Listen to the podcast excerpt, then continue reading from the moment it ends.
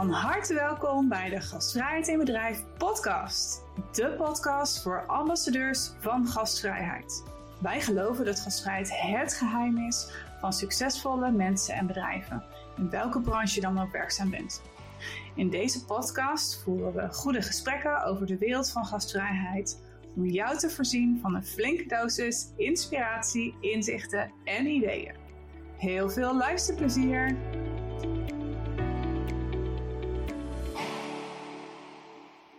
Ja, van harte welkom. Weer een nieuwe podcast. En vandaag ga ik, Laura de Lamar, in gesprek met mijn super waardevolle collega Soraya Royakkers. Nou, we hebben net even gecheckt hoe lang we samenwerken. En dat is al sinds 2016. Een hele lange tijd. En ehm, we hebben een paar hele ehm, grote passies. Want naast ehm, gastvrijheid hebben allebei een hele grote passie voor gedrag. En allebei de, de opleiding tot de gedragveranderaar uh, gevolgd. En uh, in de voorbespreking hadden we het over van hey, wat zou een tof thema zijn. En uh, we hadden het over ambassadeurs van gastvrijheid. Want daar hebben we er honderden, misschien wel duizend plus van opgeleid in de afgelopen jaren. Dus daar gaan we in deze podcast onze ervaringen in delen. Uh, om uh, deze methode toe te passen, wellicht binnen jouw bedrijf. En als je al werkt met ambassadeurs, krijg je hele goede tips hoe het nog beter kan. Maar voordat we in dat thema gaan duiken, uh, wil ik je heel graag voorstellen aan mijn collega Soraya. Soraya, voor degenen die jou nog niet kennen, wie ben jij? Wie ben ik? Ja, um, nou, mijn naam is Soraya Royakkers. ik geef al zo'n 13 jaar trainingen. En nou, de laatste 6, 7 jaar dan natuurlijk ook voor gastvrijheid in bedrijf. Um, ik kom eigenlijk oorspronkelijk uit de zorg, uh, waar ik ooit als kunstzinnig therapeut gewerkt heb. En uh, later als trainer aan de slag ben gegaan om het elektronisch patiëntendossier uit te leggen. Super saai uh, om te doen. Dus toen iedereen wist hoe het systeem werkte, mocht ik de leuke trainingen geven. en on onder andere ook gastvrijheid. en daar is mijn passie ook begonnen voor het thema. Ja, want wat maakte dat jij nou, die, die passie uh, hebt gekregen? Waardoor ging bij jou het vlammetje aan voor dit specifieke thema? Nou, uh, in mijn werk als activiteitsbegeleider vond ik het al heel belangrijk om bij mensen echt aan te sluiten, mensen te zien en verbinding te maken. Uh, bij de dementerende ouderen, maar ook de, de mantelzorgers. En ik zag echt wel een verschil als iemand dat met passie, plezier deed en met een gastvrijheidsgevoel of dat mensen deden om hun hypotheek te kunnen betalen. En uh, ja, dat verschil dat zit in kleine dingen, dus het is lastig om je vinger op te leggen, uh, maar dat voel je wel. En toen dacht ik, oh ja, dat, dat, dat is zo van belang dat mensen gezien, gehoord en begrepen worden. Dus um, uh, daar is het denk ik bij mij aangewakkerd. Gaaf.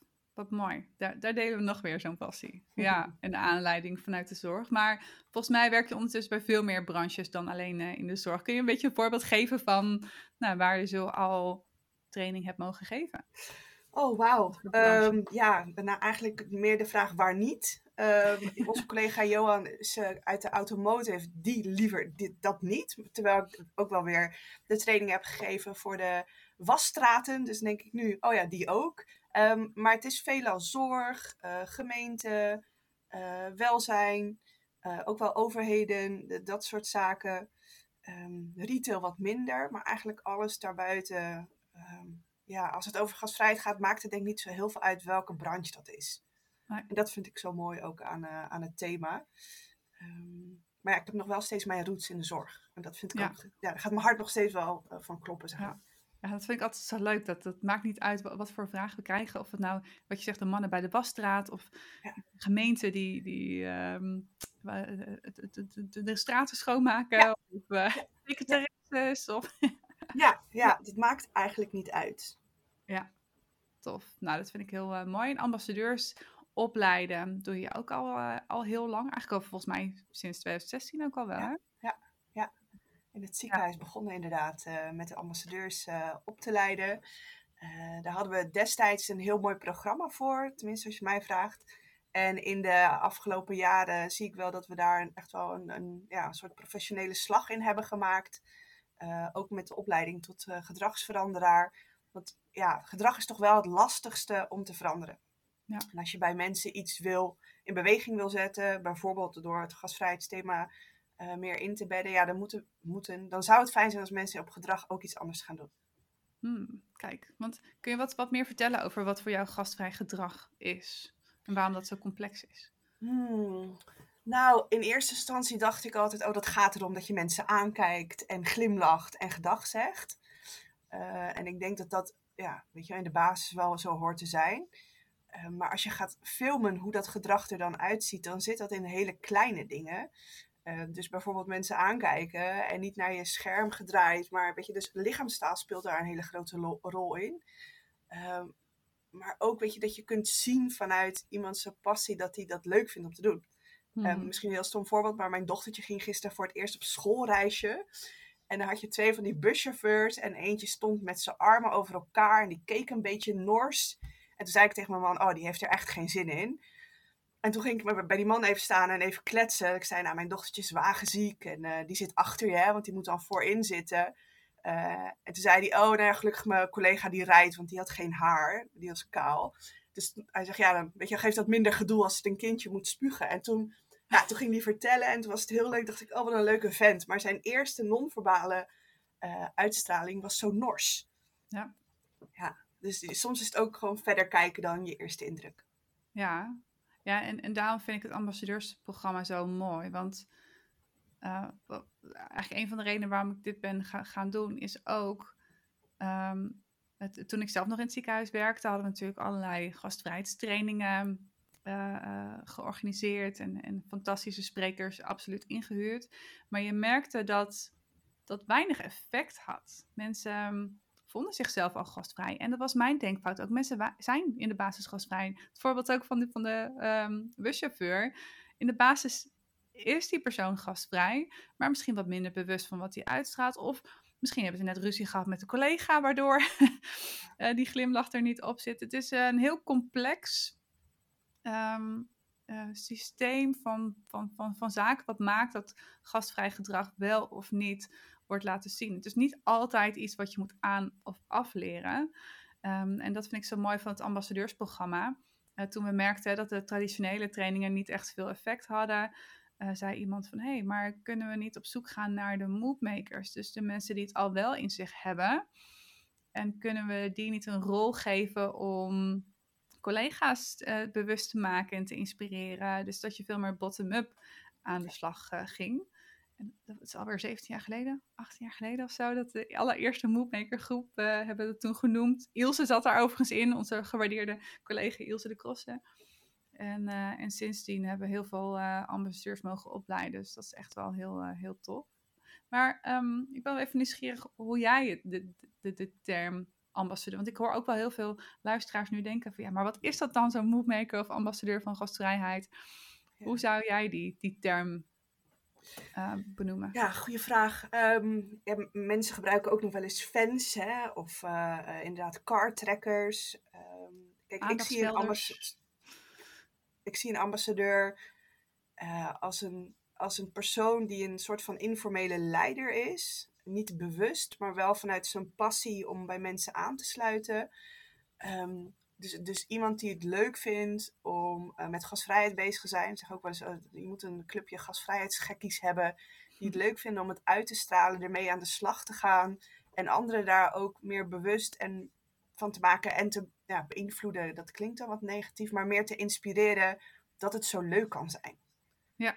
Want mensen denken vaak, oh gasvrijheid, dan moeten we van alles en dan moet het moeilijk en ingewikkeld en duur. En terwijl het juist, denk ik, met kleine dingen het grote verschil kan maken. Ja, ja. Ja, eens. Dus er zijn al zoveel termen voorbij gekomen. Game changer, uh, aandachtsvelder. Ja, het, ja. Het, het, maakt eigenlijk wat in de name. Um, maar, maar hoe zie jij dat? Kan iedereen zomaar een ambassadeur van gastvrijheid zijn? Of, of is dat toch wel dus de ene persoon daar meer geschikt voor dan de ander? Ja, dat vind ik lastig. Want ik had laatst iemand in de training voor een ambassadeurstraining. En die, die zei: Oh, als er allemaal dingen van me verwacht worden, ja, dan wil ik dit liever niet doen. Uh, dus, dus als iemand gestuurd wordt, hè, dus vanuit een, uh, niet vanuit een intrinsieke motivatie, dan merk je dat het minder effectief is, minder succesvol, minder rendement met zich meebrengt. Mhm. Eh, dus het mooiste is wel als iemand daar vanuit zijn eigen ik enthousiast van wordt. Mooi. Zonder dat hij door een leidinggevende of een MT of nou ja, wat dan ook zegt, nou ga jij maar dat doen. Dan, dan, ja, dan heeft het geen of minder effect. Ja, en zijn het dan formele leiders of informele leiders? Of kunnen het ook volgers zijn? Ehm, ik zou dan, in, nou mijn voorkeur gaat uit naar informele leiders, die mhm. gesteund worden door hun, nou ja, officiële leiders, zeg maar, als je het in de leidersterm gaat uh, praten. Uh, en wat ik merk is dat wanneer je start met een klein clubje informele uh, leiders, dat ze ook de volgers aan gaan laten haken. Hmm. Um, wat we nu merken bijvoorbeeld bij een zorgorganisatie waar we actief zijn, is dat we een groep van ik, iets van 30 ambassadeurs hebben opgeleid. En nu merk je dus dat er dus meer mensen zijn binnen die organisatie die merken dat het een positief effect heeft en willen aansluiten bij die groep. Dus die volgers komen nu. En dat is natuurlijk ook het effect wat je wil hebben. En het doel van zo'n ambassadeursprogramma is dat het als een soort olievlek binnen het bedrijf uh, gaat spelen. En dat mensen denken, oh, dit is tof, daar wil ik bij horen. Ja, gaaf. Ja, ik, ik word hier ook echt super blij van. Ik moet meteen denken aan een, um, een programma wat we hebben gedaan bij een, uh, grote opleidingsorganisatie. of een, een, een, fort, nee, een hogeschool, moet ik zeggen. Een facilitair bedrijf in een hogeschool. En het toffe is dat die ambassadeurs daar... Uh, naast natuurlijk dat ze naar hun eigen teams zijn gaan, gaan kijken en, en collega's proberen mee te, te nemen, hebben ze een festival georganiseerd. Um, voor de collega's, waarbij uh, de, de, de een had volgens mij een filmhuis bedacht en de ander een pubquiz en de ander weer een soort, uh, hoe noem je dat, uh, om, de open, om, om, het haardvuur met sleutelvragen. Um, en de anderen waren weer van het welkomstcomité en de ander bezorgde weer voor muziek. En nou, dat was zo goed, goed bevallen omdat het van de mensen zelf was. En er waren, waren geen één externe spreker of, of wat dan ook bij dat heeft voor zoveel goodwill gecreëerd bij de collega's, omdat het gewoon een directe collega was en niet eens een leidinggevende. Ja, en ik geloof daar echt ook wel in dat het, ehm, ja, de, de bottom-up beweging daar essentieel in, uh, in is. Maar in wat je zegt, er moeten wel mensen zijn die wel nou, iets hebben met gasvrijheid en, en ook die echt die rol willen pakken. Ja, en daarbij, kijk, wat ik merkte in die korte trainingen of de workshops die we wel eens hebben gegeven bij organisaties, is dat Um, nou, dan, weet je, dan slaan de mensen hun handen ineen en zeggen: Oh, we hebben het gedaan en nu gaan we weer aan het werk. Terwijl dat misschien heel goed gaat bij een BHV-cursus of, of wat soort zaken. Uh, maar bij gasvrijheid is daar wel wat meer voor nodig dan alleen dat. Ja. Uh, en de term die ik vaak gebruik, hè, we drinken een glas en doen een plas en alles bleef zoals het was. Ja. Dat wil je juist niet. Je wil toch kleine momenten inbouwen waardoor de organisatie uh, ja, gasvrijer wordt en mensen het fijn vinden om er te werken en naartoe te gaan. Ja, mooi. Ja, dat was voor mij ook wel een eye-opener in de, in de opleiding tot gedragsveranderkundige. Dat um, bij gastvrijheid gaat het niet per se altijd om dat mensen niet willen. Uh, maar is het soms ook gewoon relaxed om het niet te doen. uh, het, het, energie besparen. We zijn natuurlijk al zo keidruk. Dus um, ja, soms is het ook gewoon gewoonte. Net zoals sporten of uh, gezond eten ja, ik weet dat het heel goed is en dat het ook heel gezond is, dat me heel veel oplevert, maar toch even lekker met een wijntje Netflix op de bank is toch wel heel relaxed. En zo is het soms ook bij gastvrijheid. En die gentle reminders die zo'n ambassadeur kan doen, hè, dus die, die, de kracht van herhaling, collega's bewust maken op een leuke, inspirerende manier, is gewoon een superkrachtige methode om uh, gasvrij te ontwikkelen. Ja, ja en dat is. Ehm, ja, daar kan ontzettend bij, bij helpen. En wat, wat ook een, een, een eye-opener was, dat je stap voor stap verbetert als team. Dat geeft ook natuurlijk een, een, een belangrijk gevoel. En dat zie je vaak, hè, na zo'n training is zo'n waslijst met ideeën. En vervolgens, ja, een, een, maand later, oh ja, we hadden een ideeënlijst.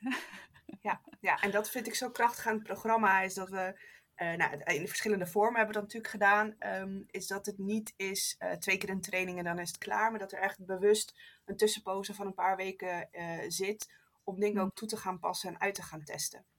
Ja, mooi. En kun je wat dingen vertellen over wat onderdeel is van het programma? Um, ja, nou, daar zit, we hebben natuurlijk een opzet daarin. Um, maar als ik ga kijken, we gebruiken vaak de verschillende tools hè, die mensen kunnen inzetten om in hun team te gebruiken. Um, de weerstanden worden erbij gehaald. Je oh, gaf net aan dat we uh, de opleiding tot gedragsveranderkunde hebben gedaan. Daar hebben we nou, geleerd welke weerstanden er zijn vanuit de sociale psychologie. Um, en dat merk je heel erg als je het daarover hebt, dat mensen denken: oh, daarom lukt het niet. Of daarom zegt die collega: um, um, dat ga ik niet doen, of dat is te veel, of wat dan ook. Ja, en, om daarop aan te haken. Dit zie je altijd na een maand of twee, drie. Ik weet niet of je dat ook herkent. In het begin gaat het heel erg over inspireren. En dan ga kijken wat er beter kan in gastvrijheid. En op een gegeven moment bij de tweede of derde workshop zie je mensen met een lang gezicht binnenkomen. Gefrustreerd. En ja, mijn collega's, uh, Jantje en Pietje, die willen niet. En ik krijg dit en dit terug. En dan, uh, dan, dan refereer ik weer terug aan de, de weerstandfase, wat een onmiskenbaar onderdeel is van verandering. En dan zie je ineens alle puzzelstukjes op zijn plek vallen. Oh ja, oh, dus weerstand is eigenlijk juist goed dat het nu ontstaat. Dus je ziet dat, het, dat, dat er nou, een natuurlijk moment is na een x aantal weken waarop mensen ehm, weerstand krijgen en dan um, effectief mee leren omgaan, dat dat super waardevol is. Ja, en, en ik denk ook dat dat cruciaal is in het proces om uh, daarmee weten om te gaan. Ja. Want als je die weerstand ervaart, en ik herken heel erg wat jij zegt, hè, bij collega's die niet willen of mensen die afhaken, is dan te kijken, oh, wat kunnen we doen om samen over die weerstand heen te stappen. En één mm nou, een techniek die, eh, die voor mij het meeste helpt in de gastvrijheid is gewoon die weerstand erkennen. Ja, mooi. Nou, volgens mij kunnen we hier een aparte podcast nog over maken. Oh, goed idee. Ik maak een aantekening. Goed idee. Ja. En andere onderdelen. Wat leren ambassadeurs nog meer in zo'n programma? Uh, een onderdeel daarin is bijvoorbeeld ook het coachen van je collega's. Uh, en um, ook het stukje feedback geven. Um, en daarbij merk ik wel eens dat mensen die als ambassadeur in de trainingen zitten, heel erg worstelen met het feit of ze wel of niet feedback moeten geven aan hun collega's mm -hmm. uh, op het gebied van gastvrijheid. en in eerste instantie, mijn eerste reactie is altijd: Nou, ik hoop dat feedback geven niet alleen een onderdeel is voor een ambassadeur, maar dat we dat allemaal doen uh, op gedrag en communicatie. Maar het is niet zozeer dat je als een ambassadeur, als een soort politieagent, mensen moet wijzen op gedrag. D dat, dat is denk ik de grootste boodschap die we mee moeten geven. Dat is niet je rol als ambassadeur. Ja. Je rol als ambassadeur is juist om te kijken waar kun je mensen inspireren en hoe kun je het leuk over de bühne brengen en hoe kun je die olievlek verder verspreiden en mensen meenemen in dit thema. Maar dus ook die weerstanden erkennen en er samen een, uh, een groter geheel van maken. Ja, tof. Ja. een van mijn favoriete onderdelen ook is um, uh, de inspiratiemomenten organiseren voor je collega's. Ah. Dus eigenlijk een soort mini-mini trainer-trainer. uh, om uh, nou, vijf of tien of vijftien minuten bijvoorbeeld in je werkoverleg, dat we dan ambassadeurs leren om daar een inspiratiemoment te doen. Ja. Een, een mini-workshop. Ja. ja. ik weet nog, ja, dat is alweer een paar jaar geleden, maar als ik eraan denk, dan maakt mijn hart weer een sprongetje. dat was voor een gemeente en daarin um, hebben we de laatste sessie, mochten ze een presentatie geven over wat zij van gasvrijheid vonden en uh, een advies geven aan het MT. En dat deden we dan in een stadion van een voetbalveld. Uh, en dat zelfs de directeur nou, bijna van zijn stoel viel dat hij zag hoe die mensen op dat podium iets over gasvrijheid ja. vertelden. En ja, daar word ik nog steeds warm van als ik aan dat moment terugdenk en de foto's weer zie. En denk ik, oh ja, hoe tof is het als je erin gelooft en dat gaat delen met anderen. Ja, het is echt goud echt gaaf. Ja, ja, mooi. En dit is misschien ook wel um, een goed brugje naar eh, de, de, de valkuilen. Want uh, ik, ik, had volgens mij een week of twee geleden ook wel eens bij een organisatie. En die had het over van, nou, wat, wat doen jullie dan al? Ja, ja, we hebben ambassadeurs. Wat ik heel vaak zie, is dat, dat ze dat gehoord hebben over hè, het concept van een ambassadeur. Dat die uh, geworven worden, aangesteld worden, punt. Um, en dan denk ik, oh ja, dat, dan, dan, daar word ik heel verdrietig van. Zo zonde. maar het is zo zonde, want die rol is wel pittig. Als jij niet gecoacht en begeleid wordt in hoe je die rol vormgeeft, ja, is pittig hoor. Want het, gaat, het is eigenlijk allemaal veranderen kunnen light, hè? Of leiderschap zelf light. Uh, ja, dat kun je niet zomaar aan een medewerker die rol geven en iemand daar niet in begeleiding eh, geven of sturen of handvatten geven hoe ze dat kunnen doen. Het is echt een kei, het is een hele leuke rol, maar het is ook best een spannende rol waar je echt handvat voor nodig hebt. Ja, ja dus ja, eens, dus een van die valkuilen is dat het niet um, gedragen wordt door de, nou, door de leidinggevende of door de manager. Uh, en daarbij, ja, mensen denken altijd dat er heel veel tijd in moet gaan zitten. Dat, dat is niet altijd het geval. Maar als je mensen de ruimte wil geven, dan moet je me denk ik ook wel die tijd geven. En Mhm. eh, vooral in de positieve communicatie gaan zoeken. Hoe kun je mensen ook supporten en, en, en eh, blijven stimuleren om dit vast te houden. Ja. Dus Ja, het, is, het is niet met een, met een maandje is het klaar of zo. Dat is Nee. iets wat je vast wil blijven houden. En mensen Ja. zeggen wel eens, ja, kun je dat dan veranderen, gastvrijheid? En moeten we dan naar een training of naar een bijeenkomst? En dan maak ik altijd de brug, ja, je gaat ook elk jaar naar je BHV-cursus. En dan denk ik, oh ja, ja je, dus je moet het bij, ehm, Mhm. ja, erbij blijven, zeg maar. ja. ja, en die BV, BHV-skills, die gebruik je helemaal niet zo vaak. En elke dag ben je gastvrij. Als het goed is wel, ja. Ja, mooi. Ja, dus dat, dat, dat bondje met je leidinggevende noem ik het wel eens, dat is wel een hele belangrijke. En dat, dat zie ik heel vaak bij, ehm, eh, bij die programma's, dat wanneer een leidinggevende goed aangehaakt is en de ambassadeur goed begeleidt, dat, is, dat die vaak als een speer gaan en de leidinggevende die verzaakt, dan zie je ook dat een, ambassadeur aan het, aan, het, aan het zwemmen is. En Ja. dat is zonde. Ja, en ik denk daarnaast, eh, die leidinggevende heeft een cruciale rol, maar ook de manier waarop een ambassadeur zich presenteert naar zijn collega's. Hè? Niet van, oh, ik ben de expert van gasvrijheid en ik ga jou vertellen wat je moet doen. Nee, Mhm. ga nou eens gewoon bij het koffiezetapparaat eens vragen, ja, wat vind jij nou van het thema gasvrijheid? En weet je, op een laagdrempelige manier het programma eens bespreken en, en mensen uitnodigen naar hun ervaringen en ideeën daarover. Ja, mooi. Ja, wat, wat ik ook merk is dat, dat die tools daar heel goed bij helpen. Hè. We werken natuurlijk met challenges, dus dat geven wel echt concrete handvatten dat je, wa- wat je kan doen als ambassadeur. Ja, dat merk ik heel erg in de, zeker in de eerste twee sessies, is dat mensen zoekende zijn naar wat, ja, maar wat moeten we dan doen? Ja. Eh, en uit ervaring blijkt ook dat eh, nou ja, bij de, beetje tegen het einde mensen allemaal hun eigen ideeën hebben gecreëerd. En, maar mensen zijn wel zoekende echt naar concrete voorbeelden, acties. Ehm, weet je, ik krijg ook heel veel de vraag, ja, wat, wat doen andere organisaties dan? Dus voorbeelden werken daarin heel goed. Ja. Ehm, en de ervaring leert jij, ga het maar gewoon eens doen. En ervaren wat het effect is. Als we het toch hebben over, over die voorbeelden. Heb je nog voorbeelden waar je, waar je trots op bent? Of dat je zegt, nou, dat vind ik wel, wel, wel tof hoe die ambassadeurs daar hun rol hebben gepakt. Nou, toevallig kreeg ik, ik denk dat het twee weken geleden is, een mailtje van een, eh, een ambassadeur in een groep die eh, eh, in het voorjaar afgerond is. En die dame werkte als een gastvrouw in een zorgorganisatie. En die mailde mij, Soraya, ik heb voor heel onze, heel onze locatie, dus dat waren zo'n 200 collega's, een presentatie gegeven over gastvrijheid. En ze schreef ook, eh, op het moment dat ik op het podium stond, eh, begaf de PowerPoint-presentatie zich. Dus ik heb geïmproviseerd. Eh, en dat was eigenlijk nog krachtiger, want toen kon ik echt bij de mensen ons verhaal vertellen. Wauw. En toen dacht Gaaf ik, ja, dit, dit is precies waar we het voor doen. En ik krijg nu ook een beetje kippenvel. Dan denk ik, hoe tof is dat? Dat we al die duizenden mensen kunnen inspireren en nou, het allemaal net iets mooier kunnen maken door gasvrijheid in te bedden. Gaaf, hè? Ja. Ik, ik moet ook aan een, een voorbeeld denken van een... eh, we hebben wel veel zorgvoorbeelden nu, maar dat maakt niet Mhm. uit. Ehm, een, eh, een ziekenhuis waarbij eh, een ambassadeur, volgens mij werkte zij op de bloedafname. Ehm, en ze had een hobby om happy stones te maken. Ja. Gelukstoontjes, steentjes of zo. Echt nou, leuke steentjes, dan een mooi figuurtje erop. En die had ze bij zich.